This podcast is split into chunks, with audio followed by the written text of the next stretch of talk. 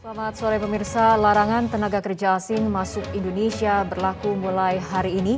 Adakah celah yang mesti diawasi meski aturan larangan itu sudah dibuat? Ulasannya akan menjadi topik utama kami dalam Prime Time News untuk kali ini bersama saya Fitri Megantara. Kita awali Prime Time News dengan Prime Flash.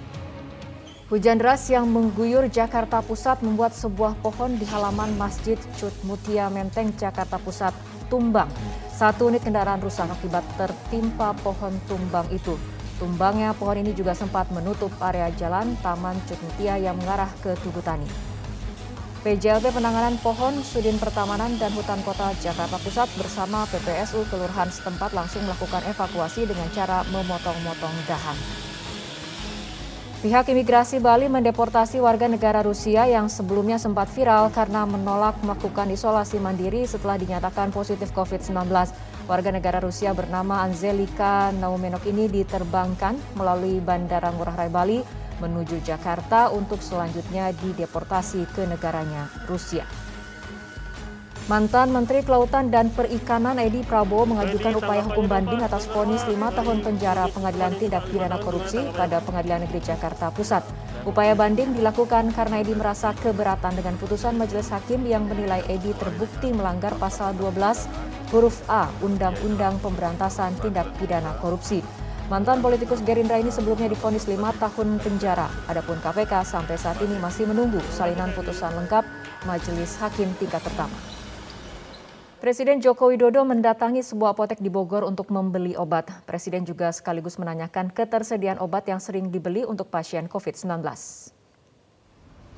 Presiden Jokowi mengunjungi apotek Villa Duta di Kecamatan Bogor Timur sekitar pukul 14 waktu Indonesia Barat. Dengan mengenakan kemeja putih, Presiden keluar dari mobil dan langsung masuk ke dalam apotek. Beberapa menit kemudian, Presiden Jokowi beserta rombongan kembali ke Istana Bogor. Menurut apotekor, Presiden Jokowi menanyakan ketersediaan obat COVID-19 dan vitamin yang dikabarkan sempat mengalami kelangkaan sebelumnya. Ia pun membeli beberapa multivitamin. Untuk tidak menimbulkan kerumunan di tengah pandemi COVID-19. Hal ini terkait dengan ajakan unjuk rasa pada Sabtu 24 Juli untuk menolak perpanjangan PPKM darurat. Imbauan tersebut disampaikan Kabit Humas Polda Metro Jaya, Kombes Pol Yusri Yunus menyikapi rencana sekelompok orang yang tidak bertanggung jawab yang akan menggelar demo menolak PPKM di ibu kota pada tanggal 24 Juli esok hari. Aksi yang mengundang masyarakat ibu kota untuk turun ke jalan dengan long march menuju Istana Negara itu dikhawatirkan akan menjadi klaster baru penyebaran COVID-19. Kabit Humas Polda Metro Jaya, Kombes Pol Yusri Yunus mengingatkan kepada warga yang berencana ikut serta dalam demo tersebut bahwa saat ini rumah sakit dan kuburan sudah penuh. Ini sekarang diberlakukan sekarang ini. Dengan harapan ke depan, kalau angka positif rate-nya turun, bornya turun, makin akan ada relaksasi. Ya. Coba lihat sekarang ini rumah sakit. Udah penuh mas. Kuburan gila. Semuanya. Apa mau diperpanjang lagi? PPKM ini. Sementara masyarakat kan kita tahu mengharapkan sekali supaya bisa kita relaksasi. Tetapi intinya di sini bagaimana masyarakat mau sadar mau disiplin Beralih ke informasi lain, belum dua bulan sejak Presiden Joko Widodo memerintahkan untuk melibas aksi pungutan liar, preman di Tanjung Priuk ber belakangan beraksi lagi. Namun setelah video aksi mereka viral di media sosial, pelaku akhirnya ditangkap. Tak membutuhkan waktu lama bagi polisi untuk menangkap pelaku pemalakan terhadap sopir truk di Cilincing, Jakarta Utara yang videonya sempat viral di media sosial. Polisi menangkap pelaku di kediamannya masing-masing.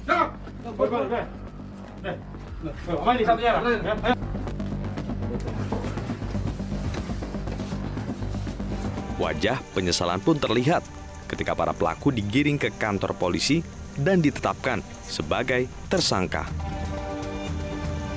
Para pelaku ini mengakui perbuatannya demi memenuhi kebutuhan sehari-hari. Duit ya di parkiran situ pak. Iya nyari duit. Anu, bersekolah bertiga atau bukan? Iya bang. Yang punya ide siapa? Saya bang. Kamu punya ide. Itu bagi uangnya gimana? Buat makan di gangan sama Mas, mas. rokok. Kenapa Bang Don? Bang Don. Jadi bedanya Bang Don. Iya kadang parkir, kadang naik sampah bang. Udah berapa kali mau makan? Dari hasil pemeriksaan, polisi menyebut bahwa aksi yang tersangka lakukan disertai dengan ancaman kekerasan. Karena itu, untuk mempertanggungjawabkan perbuatannya, para tersangka dijerat dengan pasal pemerasan yang ancaman hukumannya yakni 9 tahun penjara. ada dua rekan dari pelaku menaiki ke atas mobil yaitu di atas ban kap mobil yang depan meminta uang. Setelah meminta uang sopir tadi memberikan uang sebanyak 50.000 ya setelah menerima tadi uang 50.000 ini merasa masih kurang jadi meminta lagi dengan ancaman akan memecahkan kendaraan kacau kendaraan apabila tidak memberikan uang akhirnya sopir tersebut menambah lagi sebanyak 50.000 jadi totalnya 100.000 semua ya. Aksi premanisme terhadap supir truk kontainer di wilayah Jakarta Utara bukan kali pertama terjadi. Kisah pungli dan premanisme terhadap sopir truk kontainer di Jakarta Utara sudah terjadi sekian lama. Pada 10 Juni 2021, sejumlah sopir truk bahkan mengeluhkan hal itu saat berbincang dengan Presiden Joko Widodo.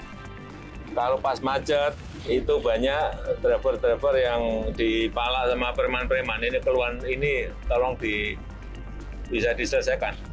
Itu aja. Pak Bori. Iya. Dari Jakarta, Yuri Kebudiman, Metro TV.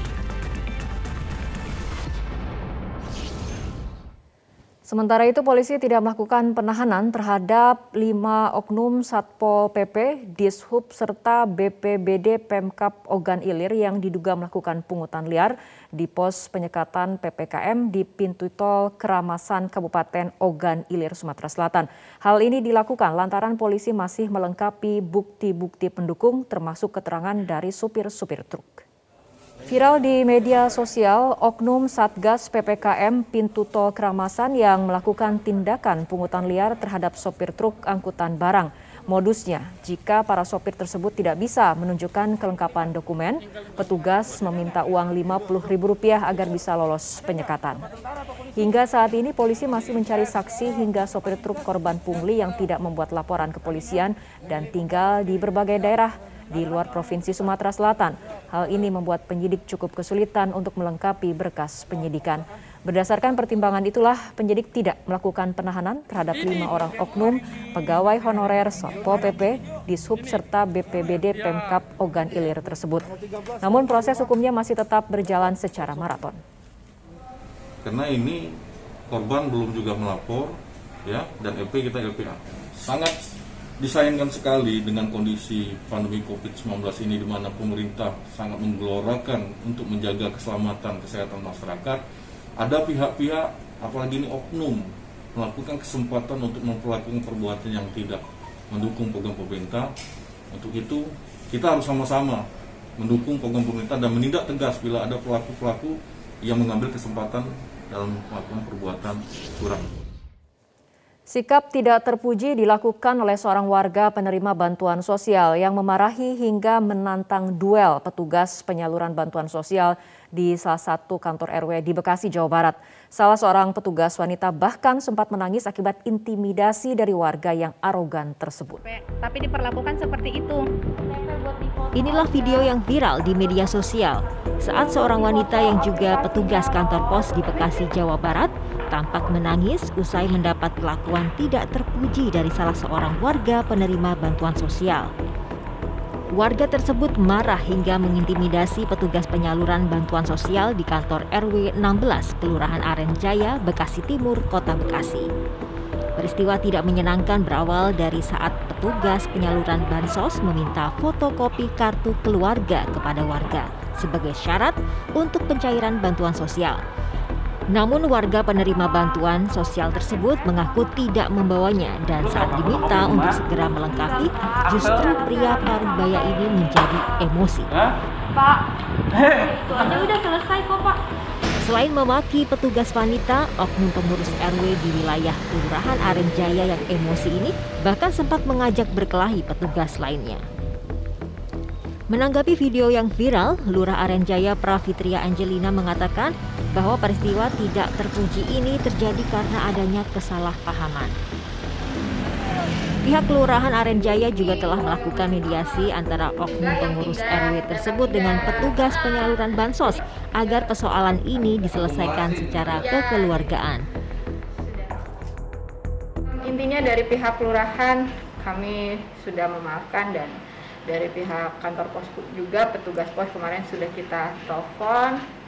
Ya intinya dia kaget aja, belum pernah katanya dapat perlakuan seperti ini ya saya bilang intinya hal-hal seperti ini mungkin di lapangan pasti akan terjadi karena kita tidak bisa membendung hal-hal yang memang um, di luar kendali kita semuanya gitu loh. Saya sih pengennya semuanya berharapnya baik-baik dan lancar gitu. Pihak Kelurahan Arenjaya berharap tidak ada lagi kejadian serupa di kemudian hari. Warga pun diimbau tetap mengikuti aturan pencairan bantuan sosial yang telah ditetapkan pemerintah. Mengingat dana bansos merupakan uang negara yang harus dipertanggungjawabkan penggunaannya. Dari Bekasi, Jawa Barat, Ahmad Nur Hidayat, Metro TV. Pemirsa, ada-ada saja tingkah bocah SD saat berkesempatan melakukan telekonferensi dengan Presiden Joko Widodo di Hari Anak Nasional.